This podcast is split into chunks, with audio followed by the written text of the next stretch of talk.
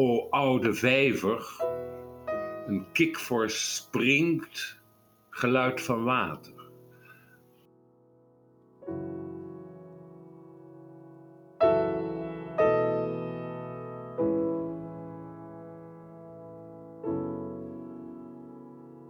Dat is natuurlijk ook wat er nu is. Er is een kikvors gesprongen.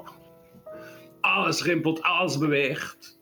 Maar door dat alles heen is er die stille vijver. Die er altijd geweest is en altijd zal zijn. In alle rimpelingen en alle bewegingen. Waarin hun diepste zin rusten.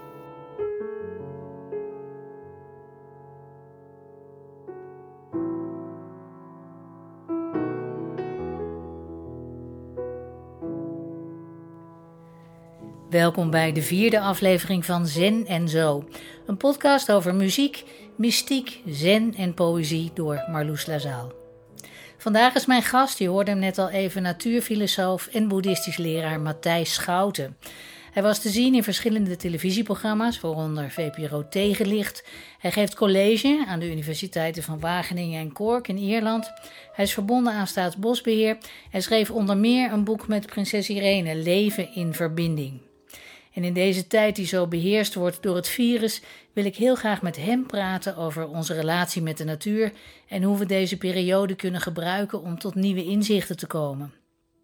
We waren natuurlijk het allerliefst een wandeling in de natuur gaan maken om dit gesprek op te nemen. Maar door corona moesten we ons beperken tot een internetgesprek. Ik zat in mijn slaapkamer en ik vroeg Matthijs waar in huis hij zich bevond. Ik zit in mijn uh, huiskamer annex bibliotheek. Er zijn drie grote ramen.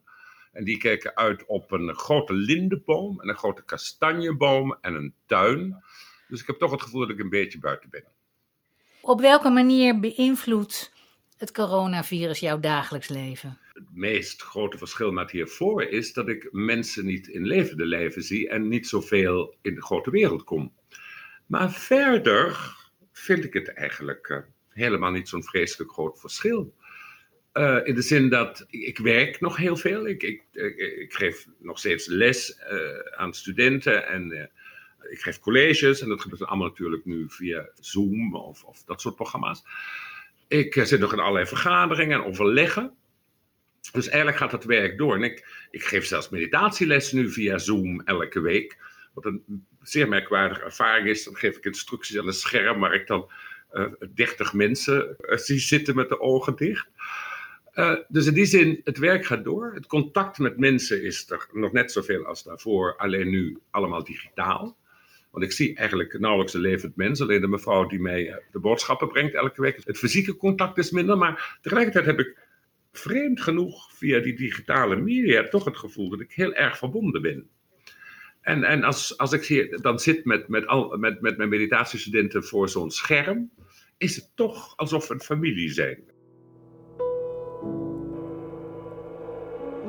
Uh, wat er ook gebeurt is dat, omdat ik niet echt naar buiten kan, maar wel het privilege heb in een, uh, te wonen in een huis waar een tuin achter ligt en waar bomen bij staan, dat mijn contact met de natuur, wat voor mij ontzettend belangrijk is, dat is er nog steeds, maar dan ineens ingezoomd. Hier kan ik niet zo ver wandelen, want die tuin is niet zo groot. Maar alles wat daarin is, uh, komt bijna onder een vergrootglas. elk bloemetje kijk ik nou bijna uit de knop. Ik heb een zeer intieme relatie met de merel die hier woont, want ik weet precies wanneer die gaat zingen. En als hij een half uur te laat is, word ik ongerust en denk ik, zou die ziek zijn? Dus eh, mijn contact met die natuur is op een bepaalde manier veel intiemer geworden.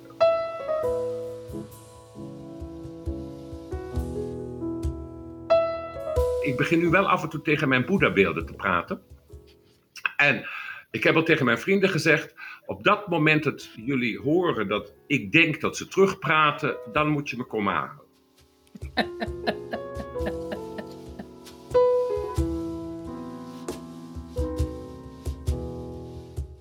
Ik wil je een um, cartoon uh, voorleggen die een paar weken geleden in de krant stond van Sigmund. Uh, ja. je, je, weet wel, de psychiater van de Volkskrant, zal ik maar even zeggen.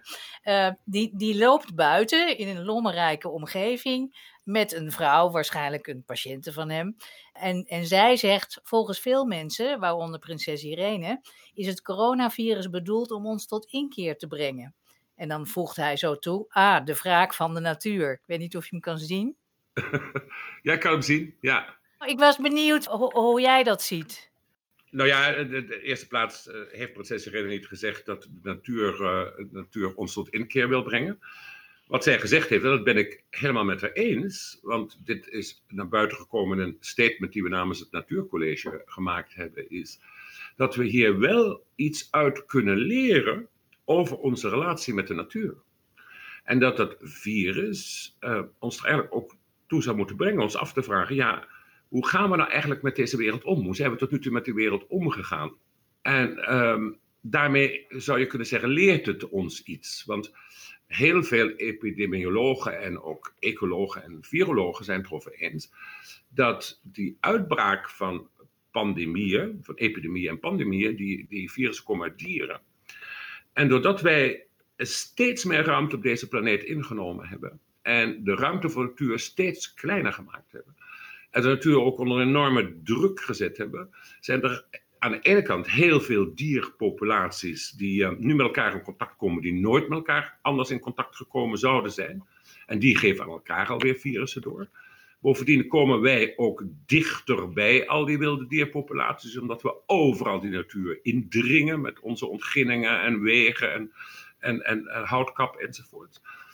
En bovendien zetten we dierpopulaties ook enorm onder stress omdat we hun, hun leefgebied steeds kleiner maken. En wanneer dieren onder stress staan, worden ze ziek. En heel veel wilde dieren dragen virussen bij zich. Maar als ze ziek worden, gaan ze daar meer en meer van produceren. Als wij dan ook nog daar dichtbij zijn, dan kunnen die virussen overspringen. Dus in feite zegt dit, deze hele pandemie ook iets over hoe wij in deze wereld heel weinig ruimte gelaten hebben aan die wilde natuur, waar die virussen als vanzelf zijn. Maar we zijn er zo op gaan zitten dat ze als het ware naar ons overspringen. En dat zou ons iets moeten zeggen. Nu heb jij enige tijd geleden gezegd, voor corona volgens mij, er moet een proces van rouwen op gang komen. Rouwen om wat we vernield hebben in de natuur. Ja. Is daar nu eigenlijk de tijd voor aangebroken? Ja, ik denk dat dit een heel goed moment is om, om terug te kijken. Want uiteindelijk zitten we in een scharniertijd. Hè? wat voorbij is, is voorbij. We kunnen waarschijnlijk nooit meer precies terug naar zoals het ooit was. Wanneer we niet zien wat er tot nu toe gedaan is en wat we eigenlijk op deze aarde aangericht hebben, uh, en dus ook stilstaan bij wat er allemaal verloren is, wat er, wat er vernietigd is, wat er kapot gemaakt is, wat er lelijk gemaakt is, en daar ook over rouwen, we geen nieuwe relaties met die natuur zullen aangaan. Uh, dan blijft het idee houden dat we het allemaal wel onder controle zullen kunnen krijgen, dat we die natuur wel zullen kunnen gaan beheersen en sturen in de richting waarin het voor ons weer goed is. Dat idee heeft deze hele crisis veroorzaakt. En ik denk dat het van groot belang is dat we stilstaan en ons afvragen: um, wie denken we nou eigenlijk dat we zijn op deze aarde? En van wat voor houding uit hebben we hier nou eigenlijk geleefd en gehandeld. En wat heeft dat teweeggebracht? Natuurlijk het uitsterven van heel veel soorten, achteruitgang van ecosystemen, ontzettend veel lelijkheid. En als we daar niet bij stilstaan, dat onder ogen zien, daar ook over rouwen, gaan we geen nieuwe relaties aan, gaan we geen nieuwe houdingen aan, gaan we geen, geen wezenlijk andere toekomst tegemoet waarbij we onze eigen plek ten aanzien van die natuur herdefiniëren. Dan blijven we een beetje op de oude voet doorgaan. Alsof er niet echt iets gebeurd is en we het wel weer zullen kunnen oplossen. Op welke manier stel jij je voor dat dat besef doordringt in het bedrijfsleven bijvoorbeeld? Want we zien op de dag dat we dit gesprek opnemen, gaat onze minister van Economische Zaken al of niet voorwaarden stellen aan eh, de 4 miljard uh, overheidssteun voor de KLM. Er zijn, gaan, zijn zelfs partijen die zeggen, nou, daar zijn helemaal geen voorwaarden voor nodig als het gaat om duurzaamheid of milieu, want andere landen doen dat ook niet. Wat vind je daarvan? Want dan, dan doen we toch weer vijf stappen terug, zou je zeggen. Nou ja, het, wat, wat ik ook een fascinerend aspect van deze, deze periode vind, is dat die periode ons um, naast het feit dat we dus pandemieën veroorzaken door ons gedrag, um, laat deze periode ons ook nog iets anders zien. In New Delhi zien mensen nu voor het eerst sinds decennia de Himalaya weer. En er is dus een hele generatie van jonge inwoners van New Delhi die dat nog nooit gezien hebben. Er is nou zo weinig smog dat ze de Himalaya kunnen zien. En vol verwondering en verbazing zich ineens realiseren dat dit een wereld is die er ooit was, maar die, die door ons handelen verloren gegaan is. Ik hoop dat ehm, deze, ik zou willen zeggen, deze nieuwe beelden van de wereld, die ons ook laten zien wat wij met de wereld gedaan hebben, uh, breed gezien en gevoeld zullen worden. En dat mensen zich realiseren, ja, we willen niet meer terug naar de periode waarin eigenlijk uh, de schoonheid van deze aarde en de leefbaarheid van deze aarde onder ons handelen afgebroken wordt. En natuurlijk zijn er allerlei krachten in het bedrijfsleven die zo snel mogelijk terug willen naar het traditionele patroon. Maar ik hoor het hele discours over het opstarten van de economie ook meer en meer stemmen die zeggen: ja, ja, ja. Maar als we weer gaan opstarten, dan nu duurzamer. Hè? In, in de, de, onderhandelingen over KLM, de hele gesprekken die gevoerd worden, uh, wordt er over gepraat of we KLM uh, moeten gaan redden of niet. Maar daarbij brengen steeds meer mensen naar voren. Als we KLM gaan redden, dan moet het straks wel een ander soort bedrijf gaan worden.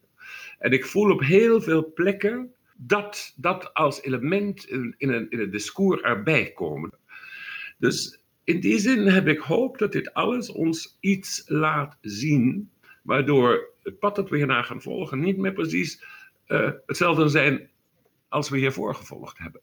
En zeker, ik heb er geen twijfel over, Marloes, dat allerlei krachten weer erg snel zullen gaan proberen um, business as usual te gaan oproepen. Maar tegelijkertijd hoop ik ook dat, dat er mensen zoveel aangeraakt en bewogen is, dat dat niet meer als vanzelfsprekend wordt geaccepteerd.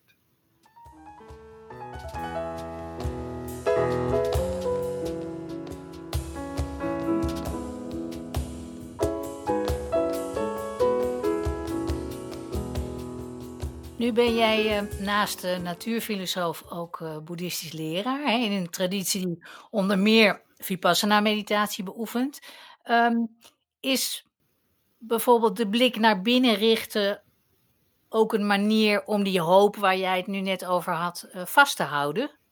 Ja, dat denk ik zeker. Ik gaf voordat de crisis begon een, een soort um, een masterclass hoe om te gaan met het antropoceen. Hè? Het antropoceen als tijdperk waarin wij als mensheid het aanzien van de aarde bepalen. Met een hele groep professionals, waarin ook allerlei ondernemers, was er een masterclass waarin uh, dat antropoceen centraal stelde, ons de vraag stelde, wat betekent nou dat voor ons en onze werk, onze toekomst, en hoe kunnen we vanuit dat, dat antropoceen uh, werken. Hè? En, hoe kunnen we ondernemen? Hoe kunnen we naar een meer duurzame toekomst? Nou, dat moesten we stoppen door corona, want we kwamen dan om de zoveel weken bij elkaar. En dat is toen voorlopig maar veranderd in een wekelijkse sessie. En wekelijks zie ik dan zo'n zo'n zo'n 20, 30 mensen op het scherm. En die sessie duurt dan een uur. Dat doen we altijd op vrijdag van 1 tot 2. En uh, daar is de centrale vraag geworden vanaf het begin. Nou ja, we zitten nu in een collectieve retreat. En hoe gaan we die retreat vormgeven? En we mediteren ook. 20 minuten daarvan mediteren we. Hè, met, en dit zijn mensen die nooit eerder gemediteerd hebben, of heel veel niet. En hier is het bijna een normale Vipassana-cursus op de vrijdagmiddag voor mensen die helemaal niet boeddhistisch aangehoogd waren, maar die wel in een situatie terechtgekomen zijn dat je gedwongen, net zoals in Vipassana, ineens moet kijken naar wat er allemaal binnen jezelf gebeurt. Want je normale werk in de buitenwereld is gestopt. En nou ja, dat, dat weet iedereen die ooit gemediteerd heeft.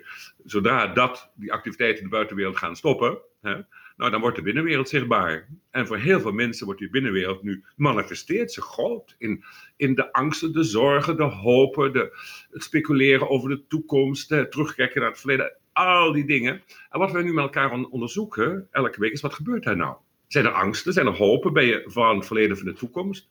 En um, kijk daarnaar. En wat betekent dat voor jouw, jouw blik op jezelf en jouw blik op de relatie met de wereld?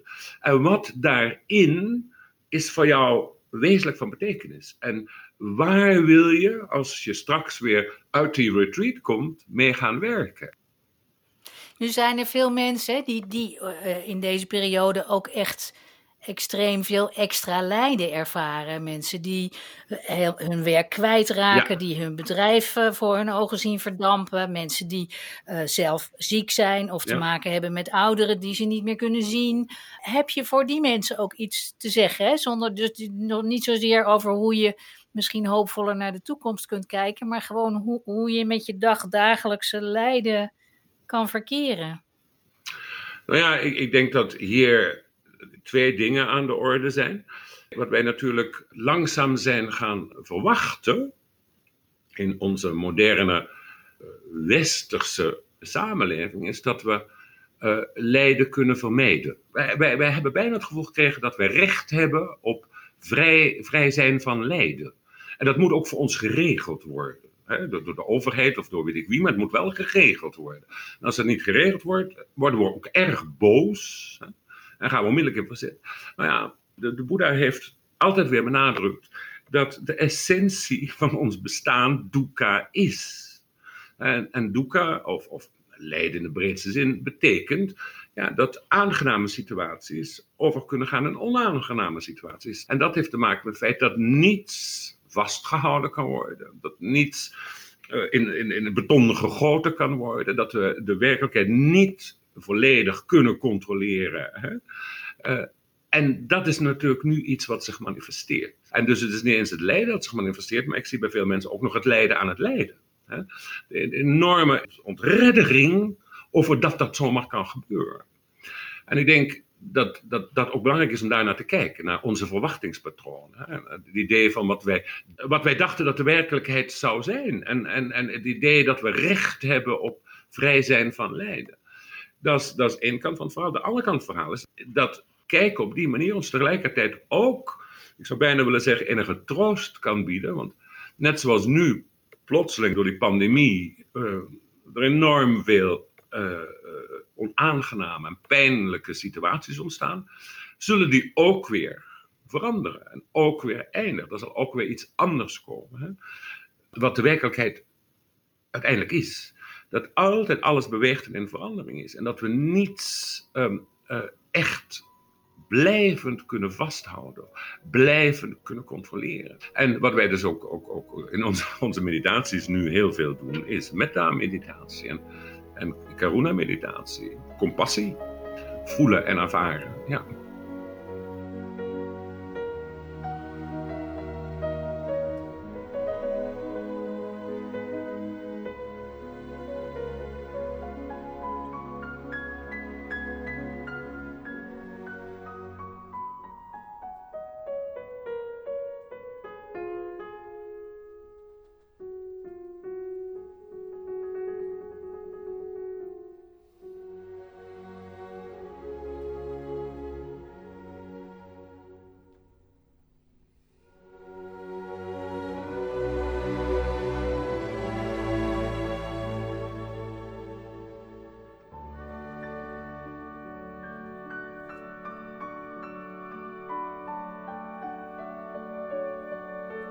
Als ik troost zoek, dan ga ik altijd naar het vijfde pianoconcert van Beethoven.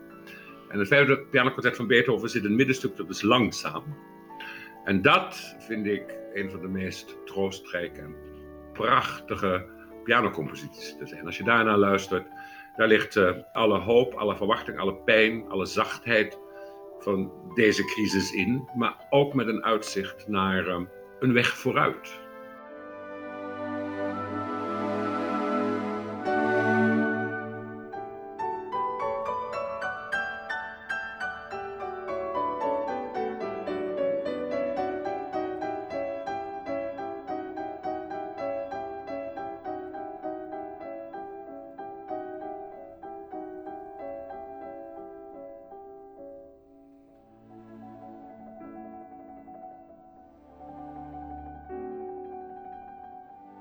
Hoe, hoe, hoe ziet het eruit over een half jaar bijvoorbeeld? Heb je daar een idee over? Kijk, het idee dat er nu is, is dat met de enige verruiming van, van de lockdown het aantal besmettingen onder controle zal blijven. Dat virus zich wel langzaam verder in de samenleving zal verspreiden. Maar dat we niet uh, overvolle IC's krijgen enzovoort. Tegelijkertijd zal lange tijd dus een zekere mate van lockdown aanwezig blijven. We kunnen niet terug naar zoals het was. De vraag is hoe mensen over een half jaar zullen reageren als ze nog steeds niet naar het voetbal kunnen. Hoe het volgend jaar zal zijn als het, als het uh, de Eurovisie Songfestival nog steeds niet gehouden kan worden. Ik, vermoed dat dat toch dan wel heel veel frustratie gaat leveren. Maar wat ook kan gebeuren is dat er natuurlijk een tweede golf komt. En, en die kans is vrij groot dat we in het najaar een nieuwe besmettingsgolf krijgen. Die nog erger zal zijn dan deze. En dan, dan vrees ik dat er veel radeloosheid zal zijn. Aan de andere kant hoop ik dat in dit proces nieuwe waarderingen gevonden zullen worden. En nieuwe herijkingen van wat is nu waardevol in het leven. Wat geeft me nou echt welzijn? Hè? Uh, is dat weer een vliegreis naar Turkije of naar, naar god weet waar? Of is het uh, dat ik vrienden heb en dat ik uh, zinvol werk kan doen en dat de natuur er is, bij wijze van spreken? Hè? Nu heb jij eerder gezegd, um, we moeten weer verliefd worden op de ja, natuur. Ja. Weet jij nog door wat of wanneer jij voor het eerst dat op die manier ervoer, dat je verliefd was geworden op de natuur? nou ja, dat gebeurde als kind al. Ja, mijn hele kindertijd eindeloos veel ervaringen van enorm getroffen zijn door natuur. Het werkelijk overrompeld zijn door verwondering. Ik, ik groeide op uh, in, het, het, Limburgse buitengebied. Hè. Mijn huis, het huis van mijn ouders lag ver buiten een dorp en we werden omgeven door wat je zou noemen half wilde en wilde natuur. En ergens, niet ver van het huis, lag een moerasbos. En daar kwam ik heel graag. Ik snap nog steeds niet dat mijn moeder dat wist. Dat was niet, was levensgevaarlijk. Toen ik later uh, student was en die bossen moest bezoeken, was ik bijna bang. Maar als kind ging ik daar gewoon heen, springen van boomstronk naar boomstronk in dat moeras. En midden daarin lag een grote poel, een gitzwarte waterpoel. En ik vond het ook een zeer intrigerende, een beetje eng en een beetje griezelige omgeving, waar ik altijd toch wel graag naartoe ging.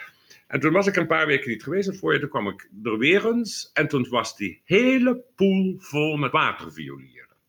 En waterviolieren zijn waterplanten die, groot van het jaar zijn ze onder water, maar op een bepaald moment gaan, gaan ze drijven. En dan komen er hele tere groene blaadjes aan het oppervlak. En daar komen dan bloemstengels uit met hele tere lila bloemetjes, lichtlila bloemetjes. Nou, en die hele poel was lichtlila geworden. En ik weet dat ik totaal stupefait was. Daar, ik, ik weet ook niet hoe lang bijgezeten heb, met het gevoel het grootste wonder van mijn leven gezien te hebben.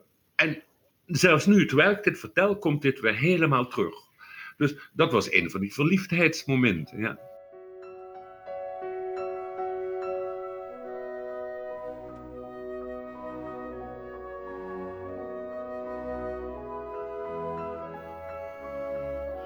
Nu gaat verliefdheid vaak ook gepaard met een soort uh, bewustzijnsvernauwing, hè, als je dat zo wil noemen.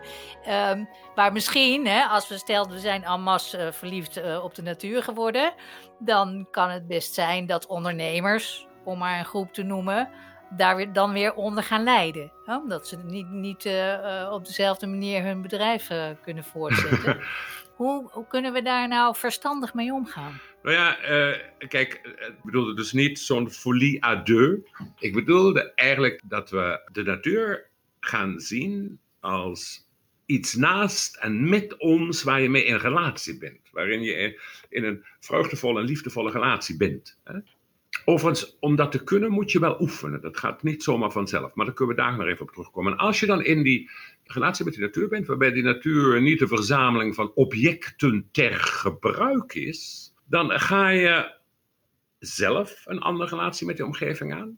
Uh, en je eigen plek in de wereld met alles. Maar dat betekent ook dat in je ondernemen. Hè, uh, je als het ware, zoals veel filosofen dat noemen, een natuurcontract aangaat. Zodra we ondernemen, vragen we ons dan af: ja, en wat is dan het belang van niet alleen de mensen, de samenleving, maar ook van de natuur? En van daaruit ga je dan ondernemen. En dan krijg je een andere vorm van ondernemen, die volgens mij de enige duurzame vorm van ondernemen is. Als we dat niet zullen gaan doen, blijven we deze crisis houden. Nu zei jij net dat ze ook voor het uh, verliefd zijn op de natuur, daar moest wel enige beoefening aan vooraf gaan. Ja, weet je, het, het, punt is dat wij, wij hebben in onze westerse cultuurgeschiedenis de natuur langzaam maar zeker tot een verzameling van dingen gemaakt. Hè? Eh, de, de, Franse filosoof Bruno Latour zegt de, de grote bijdrage, of de belangrijkste bijdrage van de westerse cultuurgeschiedenis aan het grote discours over natuur is dat wij natuur gereduceerd hebben tot een verzameling van objecten die er zijn voor ons gebruik en die we kunnen koloniseren. De christelijke, christelijke theologie zal gaan stellen dat uh, God de natuur geschapen heeft ten behoeve van de mens, die is toch voor ons. Uh, de rentmeesterschap ook, toch? Nee, dat is geen rentmeesterschap. Het rentmeesterschap is de natuur van de schepper. En mogen wij die gebruiken, maar zorgvuldig gebruiken. En dat is het beeld uit het Jodendom. En dat is het beeld uit de islam. Maar het christendom heeft dat rentmeesterschapbeeld helemaal niet zo overgenomen. Het christendom heeft, heeft eigenlijk lang gepredikt dat de natuur ontworpen is voor de mens. Dat overigens niet in het Oude Testament. Dat is helemaal niet het Joodse visie. Dat is een christelijke visie, gebaseerd op klassieke filosofie. En in dat beeld staat de natuur ten dienste aan de mens. Hè? Ik bedoel, er, zal nog een 17e eeuwse Engelse grote wetenschappers schrijven: God heeft runderen geschapen om biefstukken vers te houden voor menselijke consumptie. Nou, eh, meer functioneel kan je het niet voorstellen. Nou, om die 2000 jaar cultuurgeschiedenis die tussen onze oren zit, kwijt te raken, is enige oefening nodig. Dit zit zo ingebakken in ons wereldbeeld. En dat denk ik dat heel belangrijk is. Dat we, dat we proberen opnieuw relaties aan te gaan met de niet-menselijke wereld. En uh, in, in die groep ondernemers waar ik mee werk, hè, daar, een van de opdrachten die ik hen gegeven had een tijd geleden, toen we nog met, met antropoceen bezig waren, toen hadden we het over dit thema, herverbinding met natuur. Toen zei iedereen, ja, maar hoe moet dat dan? Ik zei, nou, ik ga jullie één oefening geven. In de komende drie weken vraag ik jullie elke dag vijf minuten te gaan kijken naar iets wat niet door de mens gemaakt is. Dat mag een plant zijn, een boom, een stukje grond, whatever, een steen. Maar iets wat wij niet gemaakt hebben, of een dier. Kijk er vijf minuten naar zonder enige invulling. Hè? Geef er geen naam aan, conceptualiseer het niet, denk er niet over na, geef er, geef er geen enkele duiding aan. Kijk alleen maar en ervaar wat binnenkomt, in wat je waarneemt. En doe dat vijf minuten per dag. Nou, toen we weer bij elkaar kwamen, en ik kende deze oefening, want ik heb hem vaker gedaan met mensen. Nou, de verhalen zijn dan fantastisch. Hè? Dat was een meneer die zei: Nou, eh, ik heb een, eh, een, kantoor en daar staat een boom voor. Nou, die zie ik al tien jaar en dan denk ik: boom, zo af en toe. Nou, ik heb nu vijf minuten per dag naar die boom gekeken. En ik heb zelfs proberen te vergeten dat het een boom was. En hij zei: Nou, ik zal je eerlijk vertellen. Als ik nu naar kantoor ga, van het kantoor uitkom, kan ik niet aan die boom voorbij gaan zonder te groeten. Die boom is voor mij een aanwezigheid geworden. Nou, en dit is precies wat ik bedoel. En als je dat doet, ja, dan, dan onthult ze gewoon een wonderlijke wereld van aanwezigheden met ons. En dat wist het boeddhisme, en dat wist het hindoeïsme, en dat wist het taoïsme, en dat wisten alle vroege culturen. Ja, wij zijn een beetje kwijtgeraakt. Dus we moeten weer wat ontleren, denk ik dan. En dit is daar een goede tijd voor.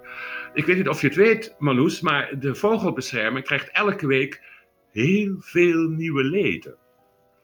Want al die mensen zitten, heel veel mensen zitten thuis en net zoals ik bouwen ineens een relatie op met de merel in de tuin. En zien ineens allemaal uh, dieren, in dit geval vogels, waar ze zich daarvoor nauwelijks van bewust waren. Dus dit is ook een goede tijd om nieuwe, nieuwe relaties aan te gaan, of in ieder geval onze relatie te herontdekken.